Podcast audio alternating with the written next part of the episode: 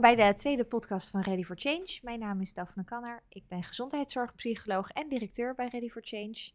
En heb voor deze aflevering mijn collega Nienke uitgenodigd. Nienke, wil jij je zo voorstellen? Ja, zeker. Ik ben Nienke van Bentveld uh, en ik ben psycholoog binnen Ready for Change. En uh, hiervoor heb ik negen jaar als bedrijfspsycholoog gewerkt. Leuk, we gaan het vandaag hebben over uh, verslaving, middelengebruik en werk. Um, iets wat we hier dagelijks tegenkomen bij Ready for Change. Een heleboel van onze cliënten die zijn nog aan het werk. Sommigen zijn uitgevallen uit werk. En uh, we gaan met elkaar in gesprek over de verhalen die wij hebben gehoord van onze cliënten.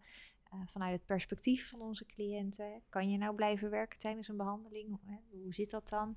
Maar ook wil ik ook het werkgeversperspectief uh, samen belichten. Want hoe ga je daar nou mee om als je werknemer een probleem lijkt te hebben? Um, daar gaan we de komende, uh, het komende half uurtje het over hebben met elkaar. Oké. Okay. Um, ja, wist jij dat uh, 1 op de 10 medewerkers in Nederland worstelt met middelengebruik? Nou, de, de, het, de exacte cijfers zoals je me die nu vertelt, die had ik niet. Maar um, uh, als je werkt bij Ready for Change, zoals wij, dan kom je er wel achter dat middelengebruik een veel breder probleem is en bij veel meer mensen voorkomt uh, dan je denkt. En ik herinner me nog wel uit de tijd dat ik hier nog niet werkte. Uh, dat ik ongetwijfeld, als je me toen had gevraagd, die cijfers als veel lager had ingeschat. En ik denk dat dat voor veel mensen wel geldt. Ja, klopt. Nou, dat, dat herken ik zeker. Voor ons is het on top of mind. We zijn er elke dag mee bezig. We zien het overal, we herkennen het overal. Uh, maar voor een heleboel Nederlanders is het niet zo op het uh, netvlies gebrand. En het, het, is een, een fors getal. Ik bedoel, 10% van de beroepsbevolking die worstelt met problematisch middelengebruik of zelfs verslaving, afhankelijkheidsproblematiek.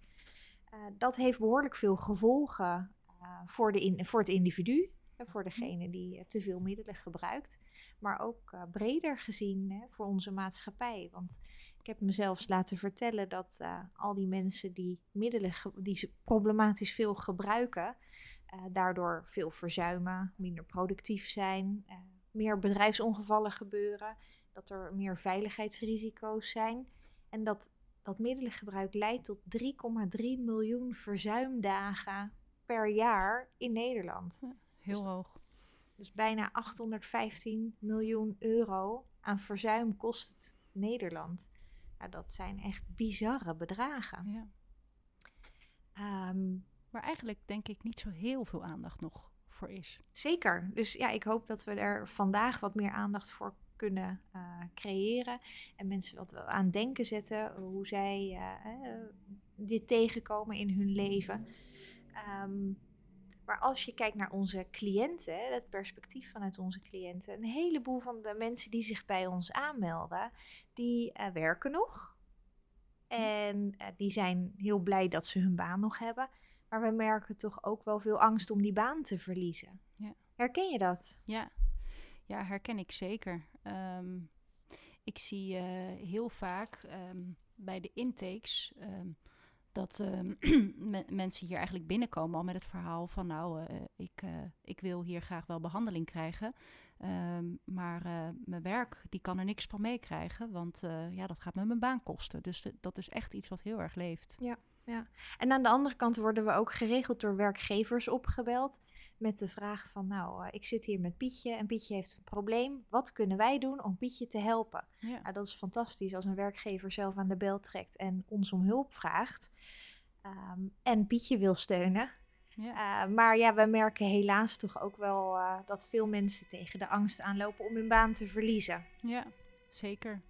En, en daarin speelt denk ik toch ook wel mee dat problemen met middelengebruik um, nog best een groot taboe is. Wat eigenlijk best wel wonderlijk is als je bedenkt dat 10% van de mensen ermee worstelt. Dat betekent dat eigenlijk iedereen wel iemand in zijn familie of in zijn collega-kring heeft die ermee worstelt.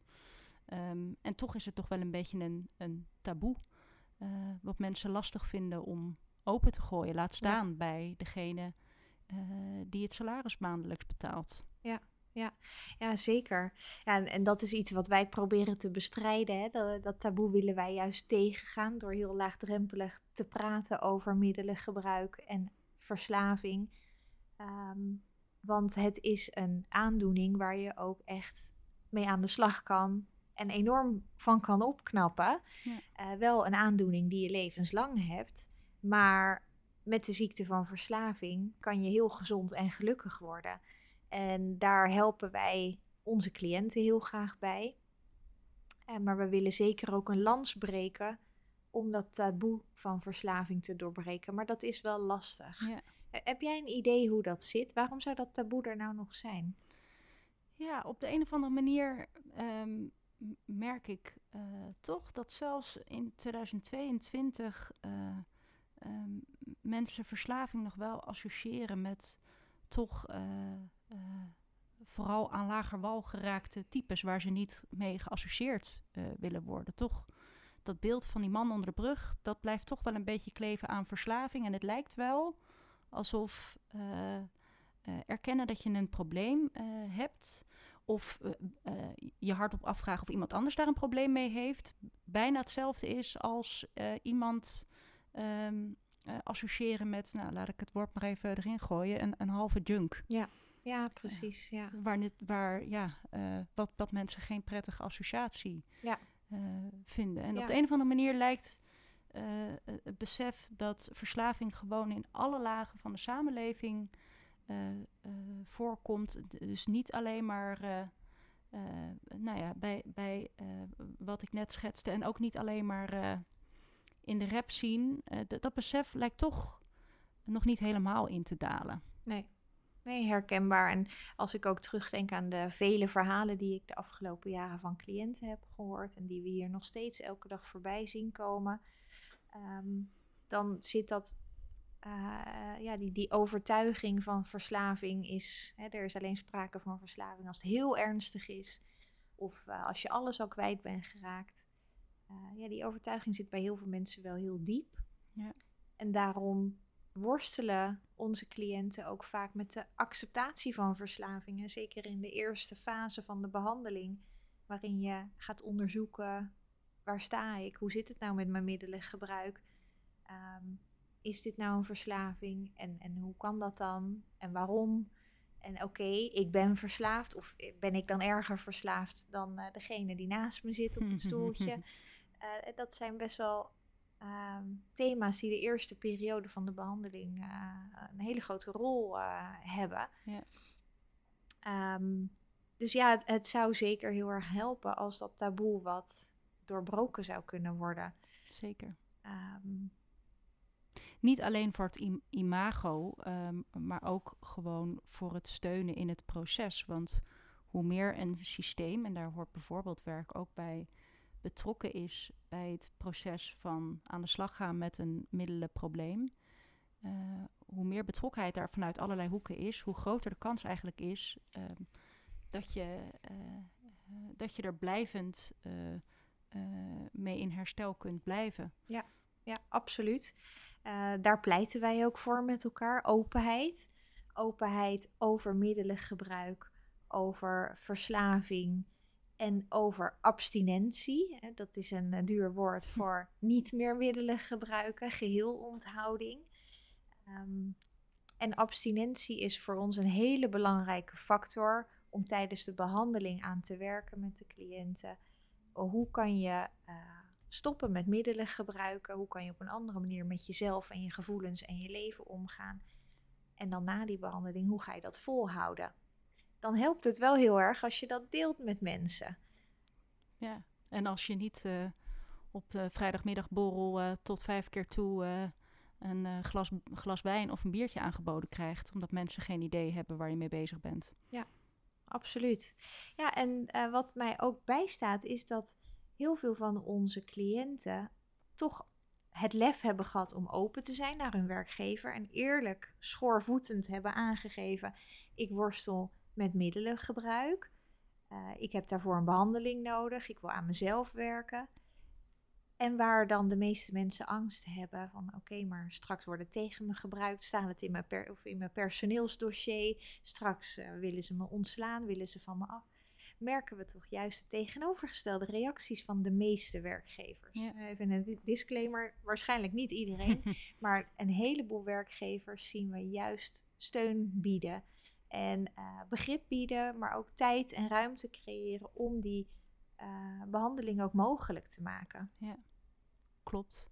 En, en vaak ook juist een, een, een, een reactie van: oké, nu, nu vallen er wel dingen op zijn plaats. En snap ik een beetje waar bepaald gedrag uh, vandaan komt. En inderdaad, over het algemeen toch wel de bereidheid. Uh, uh, om daarin te steunen. En dat is niet eens alleen maar uit, uit uh, filantropische overwegingen. Dat is ook gewoon uh, wenselijk, omdat een, een, werkgever er uiteindelijk ook het meeste aan heeft als een werknemer in herstel blijft en daardoor ook veel beter functioneert. Dat is uiteindelijk voor alle partijen natuurlijk hetgene wat het meeste ja, ja. oplevert. Klinkt een beetje plat, maar ja. zo is het wel. Ja, eens. Dus ja, wij zijn absoluut groot voorstander van het feit dat je, als je worstelt met middelenproblemen, dat je dat deelt in je omgeving.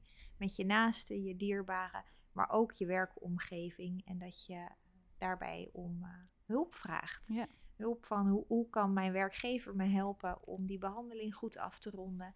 En daarna om samen in gesprek te blijven over hoe ik mijn herstel vormgeef. En um, ja, hoe verhoudt dat zich dan tot je werk kunnen doen? Want de meeste mensen denken dat ze, ondanks hun middelenprobleem, nog steeds heel goed zijn in hun werk.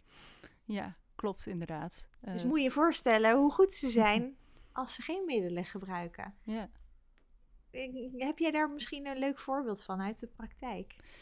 Ja, nou, het, wel, um, wat je over het algemeen sowieso hoort van onze cliënten is dat uh, aan de voorkant, voordat ze het uh, proces met ons ingaan, uh, toch in de veronderstelling zijn dat hun gezinsleven, maar ook het werkende leven, uh, toch niet zo heel veel te lijden heeft gehad onder het gebruik. Dat ze zelf wel in de gaten hadden dat het te veel was, maar dat het eigenlijk nog best goed ging om alle ballen in de lucht uh, te houden. Terwijl als je later in het proces daar nog eens met elkaar over in gesprek gaat, dan blijkt dat iemand toch al lang wel heel vaak is aangesproken op te laat komen, toch niet, niet, niet reageren op dingen. Uh, blijkt ook dat mensen allerlei trucjes toch wel uh, hebben gehanteerd ja. om te zorgen dat omgeving en ook een werkomgeving niet in de gaten heeft uh, dat er bijvoorbeeld wel degelijk wat genuttigd wordt tijdens het werk. Ja. Ik bedoel, we dingen met een sterke geur zoals mandarijnen, pindakaas, die zijn voor Sterke parfums. Sterke parfum. Ja, ja. Uh, allerlei trucjes. En je kunt je voorstellen dat als je bezig bent met allerlei trucken om je gebruik, dan wel je, je, je misschien wel je kater te uh, maskeren, dat dat sowieso uh, ten koste gaat van de energie die je moet steken in gewoon je werk doen. Ja. Dus het kan bijna niet anders dan dat ook je werk eronder leidt als jij veel gebruikt. Ja, Linksom ja. of rechtsom. Ja, eens. Nou, en wat mij tot op de dag van vandaag blijft verbazen, is dat mensen voor, tijdens en na hun werk volledig met die obsessie om middelen, uh, daar zijn ze continu mee bezig. En um, ja, men is er niet trots op om te delen dat ze tijdens werk middelen gebruiken. Um, in de pauzes uh, of nou ja, op momenten met allerlei smoesjes proberen daarmee weg te komen. Maar ik ken ook genoeg mensen die voor werktijd zichzelf alweer oppepten met middelen. Ja. Um, of gedurende de werkdag obsessief bezig waren met uh, ja, het moment dat ze straks vrij zijn. Ja. En als eerste langs die dealer of langs die slijter kunnen gaan. Ja. Of met thuiswerken. Uh, niemand die controleert uh, hoe laat jij je eerste glas van iets neemt natuurlijk. Dat Ja, verlaagt nog meer de drempel. Ja. Nou, dat is zeker een hedendaags probleem. Wat is jouw indruk daarvan? Hè? Thuiswerken en middelengebruik. Wat zien wij hier voorbij komen? Nou, um, uh, vooral als we het uh, hebben over um, de mensen met, uh, nou ja, laat ik maar zeggen, hele keurige eh, kantoorbanen, die toch altijd al wel fors dronken en bijvoorbeeld dagelijks dronken, die vertellen van ja, dat eigenlijk eh, ben ik pas echt door het ijs gezakt op het moment dat we gingen thuiswerken. Want waar ik dan voorheen pas ging drinken als ik thuis was, nadat ik al had gewerkt en in de file had gestaan, begon ik nu tijdens het laatste uur van mijn werk al te drinken. Nou, je kunt je voorstellen dat met het progressieve karakter van verslaving, dat dat steeds erger wordt, steeds meer wordt. Ja. ja. Ehm, eh, dus wat dat betreft is, is uh, thuiswerken, het gebrek aan sociale controle, uh, geen stokker meer achter de deur hebben, um, als in nog de deur uit moeten, in de auto moeten stappen, ja, dat is, dat is dat, dat werkt die verslaving natuurlijk heel erg in de hand. Ja, zeker, zeker. En ook het feit dat niemand je dan meer ziet, of je hoeft je niet meer fatsoenlijk te kleden, dan wel ze ruiken je kater niet. Nee. Die drempels die vallen weg. Dus ja, dat is zorgelijk. En ook voor de toekomst, waarin thuiswerken binnen onze maatschappij hè, veel meer de norm is. Ja, precies. Ja. precies. Ik heb heel vaak de vraag gekregen: hebben jullie tijdens corona nou veel meer aanmeldingen, veel meer uh, mensen binnengekregen die een verslavingsprobleem hebben? Um, dat is niet het geval. Wat we wel meer hebben gezien, zijn uh, oud-cliënten die een goede behandeling bij ons hebben gehad en die door het thuiswerken of door het verliezen van werk door corona uh, weer zijn teruggevallen. Dus we hebben Ja. veel meer terugvallen en heraanmeldingen gezien. Jammer genoeg. Ja. Uh, maar als je het zo uitlegt, dan uh, ja, ook wel weer heel begrijpelijk. Ja. Dus structuur is heel belangrijk. En die drempels en sociale controle zijn ook heel belangrijk wanneer je worstelt met verslavingsproblemen. Ja. Ja, isolement. eh, en en dat, dat kan eh, voor sommige mensen met thuiswerken toch een beetje ontstaan. Ehm, ja, maakt dat het heel verleidelijk wordt om terug te vallen. Ja. En als er dan ook niemand aan je vraagt, goh, hoe gaat het? Hoe gaat het met je herstel? Ja, ja. Ehm, ja. Ja, dus eh, eh, wederom eh, pleiten we daarin ook voor openheid met die werkgever. Bespreek met je werkgever waar je mee worstelt. Hè. Het mag geen reden zijn om je zomaar te ontslaan. Nee, Natuurlijk zijn daar wel uitzonderingen. Denk aan de vervoerindustrie, waarin een dronken buschauffeur, ja, dat kan natuurlijk gewoon Nee. niet. Maar is ook voor niemand wenselijk. Nee, dat is ontzettend gevaarlijk voor eh, alle betrokkenen daaromheen. Maar dan alsnog heeft die werkgever ook de plicht om eh, de werknemer te helpen en, en ja, behandeling te kunnen faciliteren. Ja. En wat mensen daarin, eh, is mijn ervaring ook, eh, eh, kan helpen. Kijk, je hoeft niet meteen de stap te nemen om je werkgever in te lichten. En wat ik vaak adviseer aan mensen is, goh, benoem bij je werkgever of je leidinggevende dat, je, dat het niet zo goed met je gaat, dat je behandeling nodig hebt. Vraag een doorverwijzing naar de bedrijfsarts. Bij de bedrijfsarts kun je sowieso vrij uitspreken wat er aan de hand is. Eh, dat voelt vaak als een minder onveilige eerste stap vanwege Mhm. het beroepsgeheim van een bedrijfsarts. Om die eerst in te lichten. Eh, van daaruit sowieso al de medewerking te krijgen om de behandeling te volgen.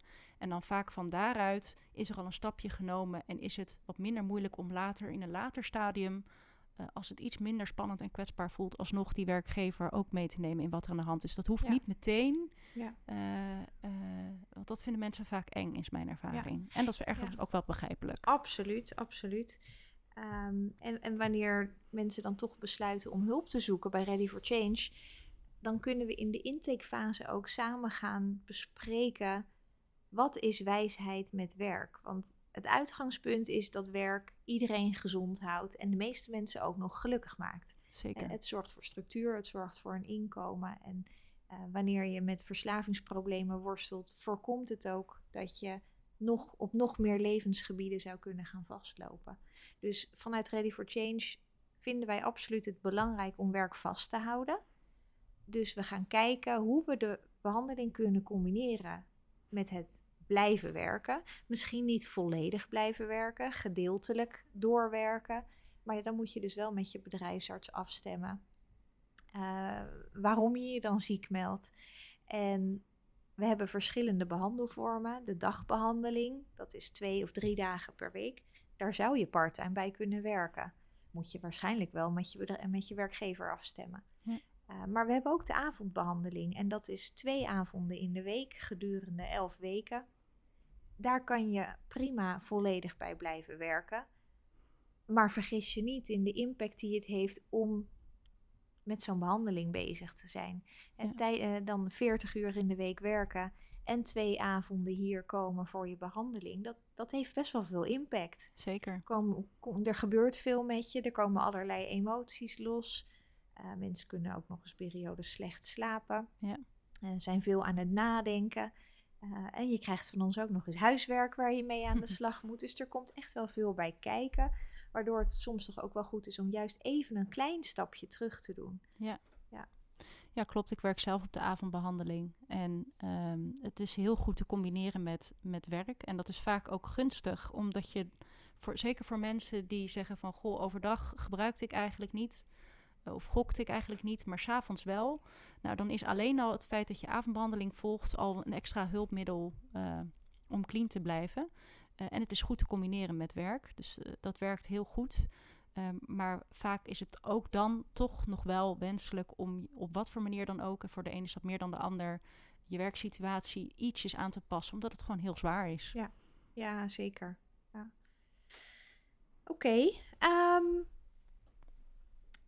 ja, wat ik ook nog wilde vragen is: ehm, denk jij dat ehm, een werkgever het niet hoeft. eh, eh, eh, er een punt is dat een werkgever het niet accepteert dat iemand met een verslaving worstelt. Hè? Dus het een reden kan zijn om iemand te ontslaan. Heb je daar vo- voorbeelden van? Maak je dat wel eens mee? Ik, ehm, nee, dat heb ik, dat heb ik niet. Dat heb ik, ik heb in ieder geval nooit meegemaakt dat een cliënt van mij eh, tijdens eh, de behandeling die, die ze op dat moment bij ons volgde, eh, werd ontslagen. of dat een contract niet werd verlengd, simpelweg hierdoor. Kijk, het Mhm. kan natuurlijk altijd voorkomen dat je contract niet wordt verlengd omdat je niet functioneert. Dat kan. Ehm, maar ook ik heb de ervaring dat over het algemeen er echt wel support is. En dat heeft er ook mee te maken dat ook al praten we er niet zo makkelijk over eh, eh, met elkaar. ehm, eh, v- verslaving iets is wat, wat veel meer eh, mensen overkomt dan iedereen misschien op het eerste gezicht zou denken. En dan kan je Ja. wel bij wijze van spreken iedereen in je organisatie gaan elimineren waarvan je dat weet. Maar dat slaat natuurlijk nergens op. Ja. Eh, ehm, al is het alleen maar omdat is het niet verslaving, dan kunnen mensen ook nog met andere psychische klachten worstelen die ook het functioneren kunnen beïnvloeden. Dus eh, het is een vrees die nog leeft. En dat heeft er misschien wel mee te maken dat, dat nog niet iedereen verslaving echt als een ziekte erkent zoals wij die erkennen. Eh, maar in de praktijk zijn mensen eigenlijk altijd milder en zijn werkgevers ook altijd milder. Hey, ik hoor je nou zeggen andere psychische klachten. Ehm, ja, jij vertelde mij in ons voorgesprekje ook al dat hè, in jouw vorige functie als bedrijfspsycholoog eh, je ook wel wat ervaring hebt gehad met mensen die met burn-out-achtige klachten komen. Klopt. Kan je daar nog eens wat meer over vertellen? Ja, wat me daarin eh, opviel is dat eh, ja, vaak mensen met verslavingsproblematiek vallen uiteindelijk uit op werk.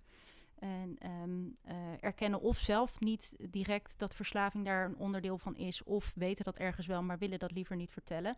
En wat je dan dus vaak ziet, is dat er eh, ehm, eh, mensen in, in het verzuim komen onder het mom van inderdaad burn-out klachten eh, of algemene psychische Mhm. klachten.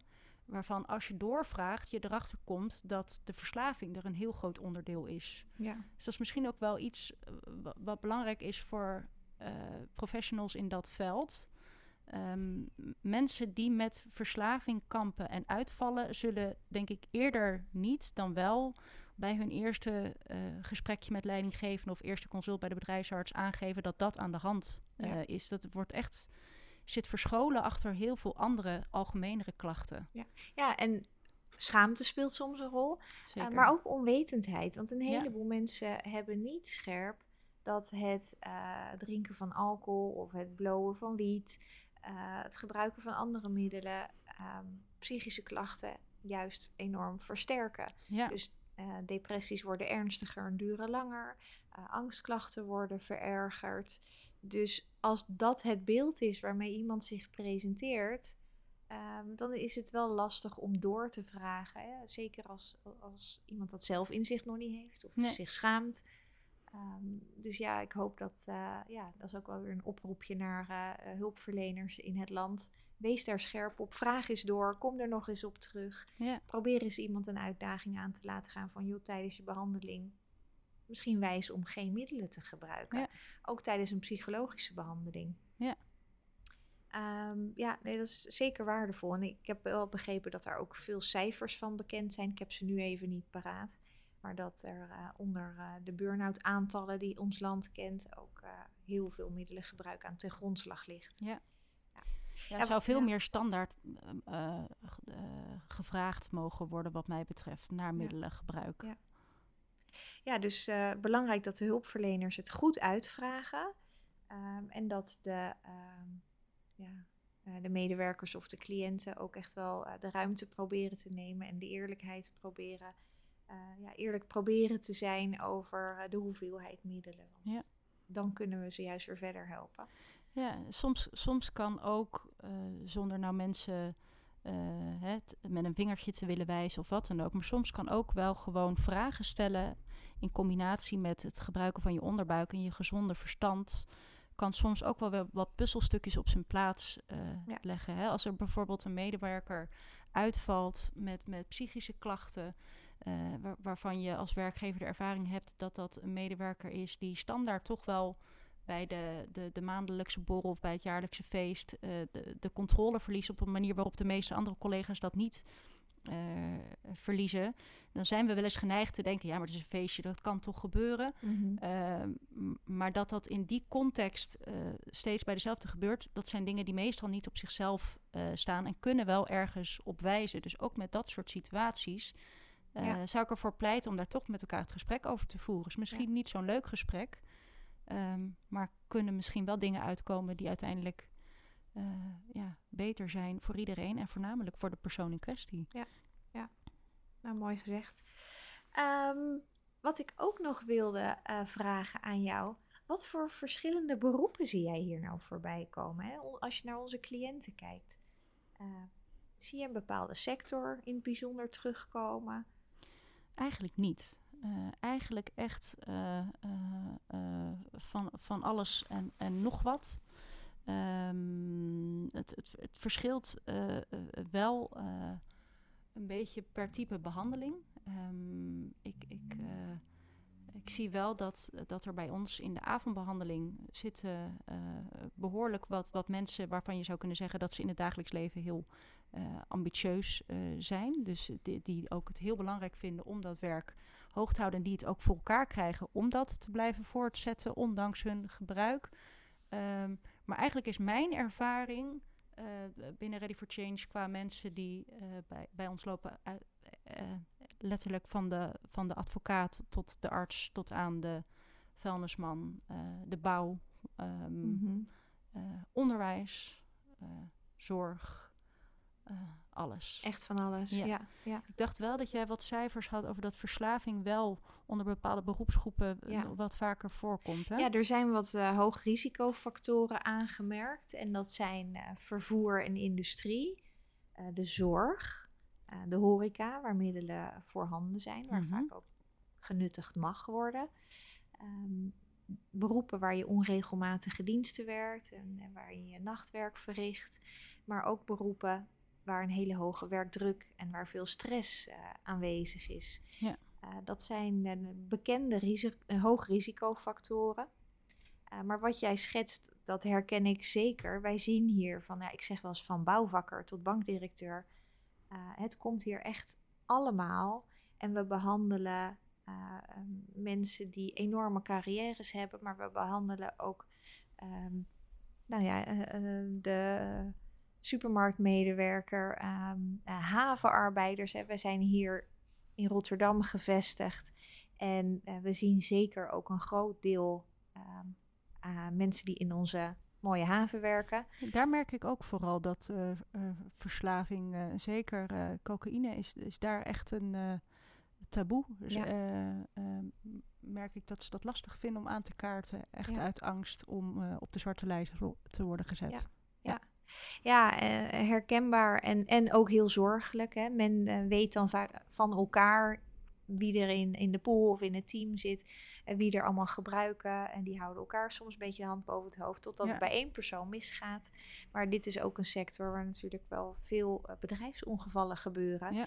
Dus ook voor werkgevers enorme risico's aan zitten. Ja. Dus ik hoop echt dat, ja, ook in de Rotterdamse haven, dat daar de, de werkgevers voldoende aandacht voor dit thema hebben. En daar eh, gaan wij als Ready for Change en eh, nieuwe kansen, waar ik jullie later nog meer over ga vertellen, eh, zeker hulp bieden. Ja. Nou, als ik zo naar de tijd kijk, dan is het goed om af te gaan ronden. Ik vind het een boeiend onderwerp. Ik ook. Ik denk dat het goed is om af te sluiten met ja, de boodschap die we willen overbrengen. Ehm, openheid is heel belangrijk als je worstelt met verslaving. In elke omgeving waarin je je begeeft. Eh, deel over je probleem, eh, deel over je middelengebruik en vraag om hulp. eh, ook aan je werkgever. Ja. En bij Ready for Change kan je bespreken hoe je je behandeling kan combineren met werk. Dus laat dat geen drempel zijn. Nee. Ehm, goed, dankjewel. Ook bedankt. En ehm, op naar de volgende podcast. Oké.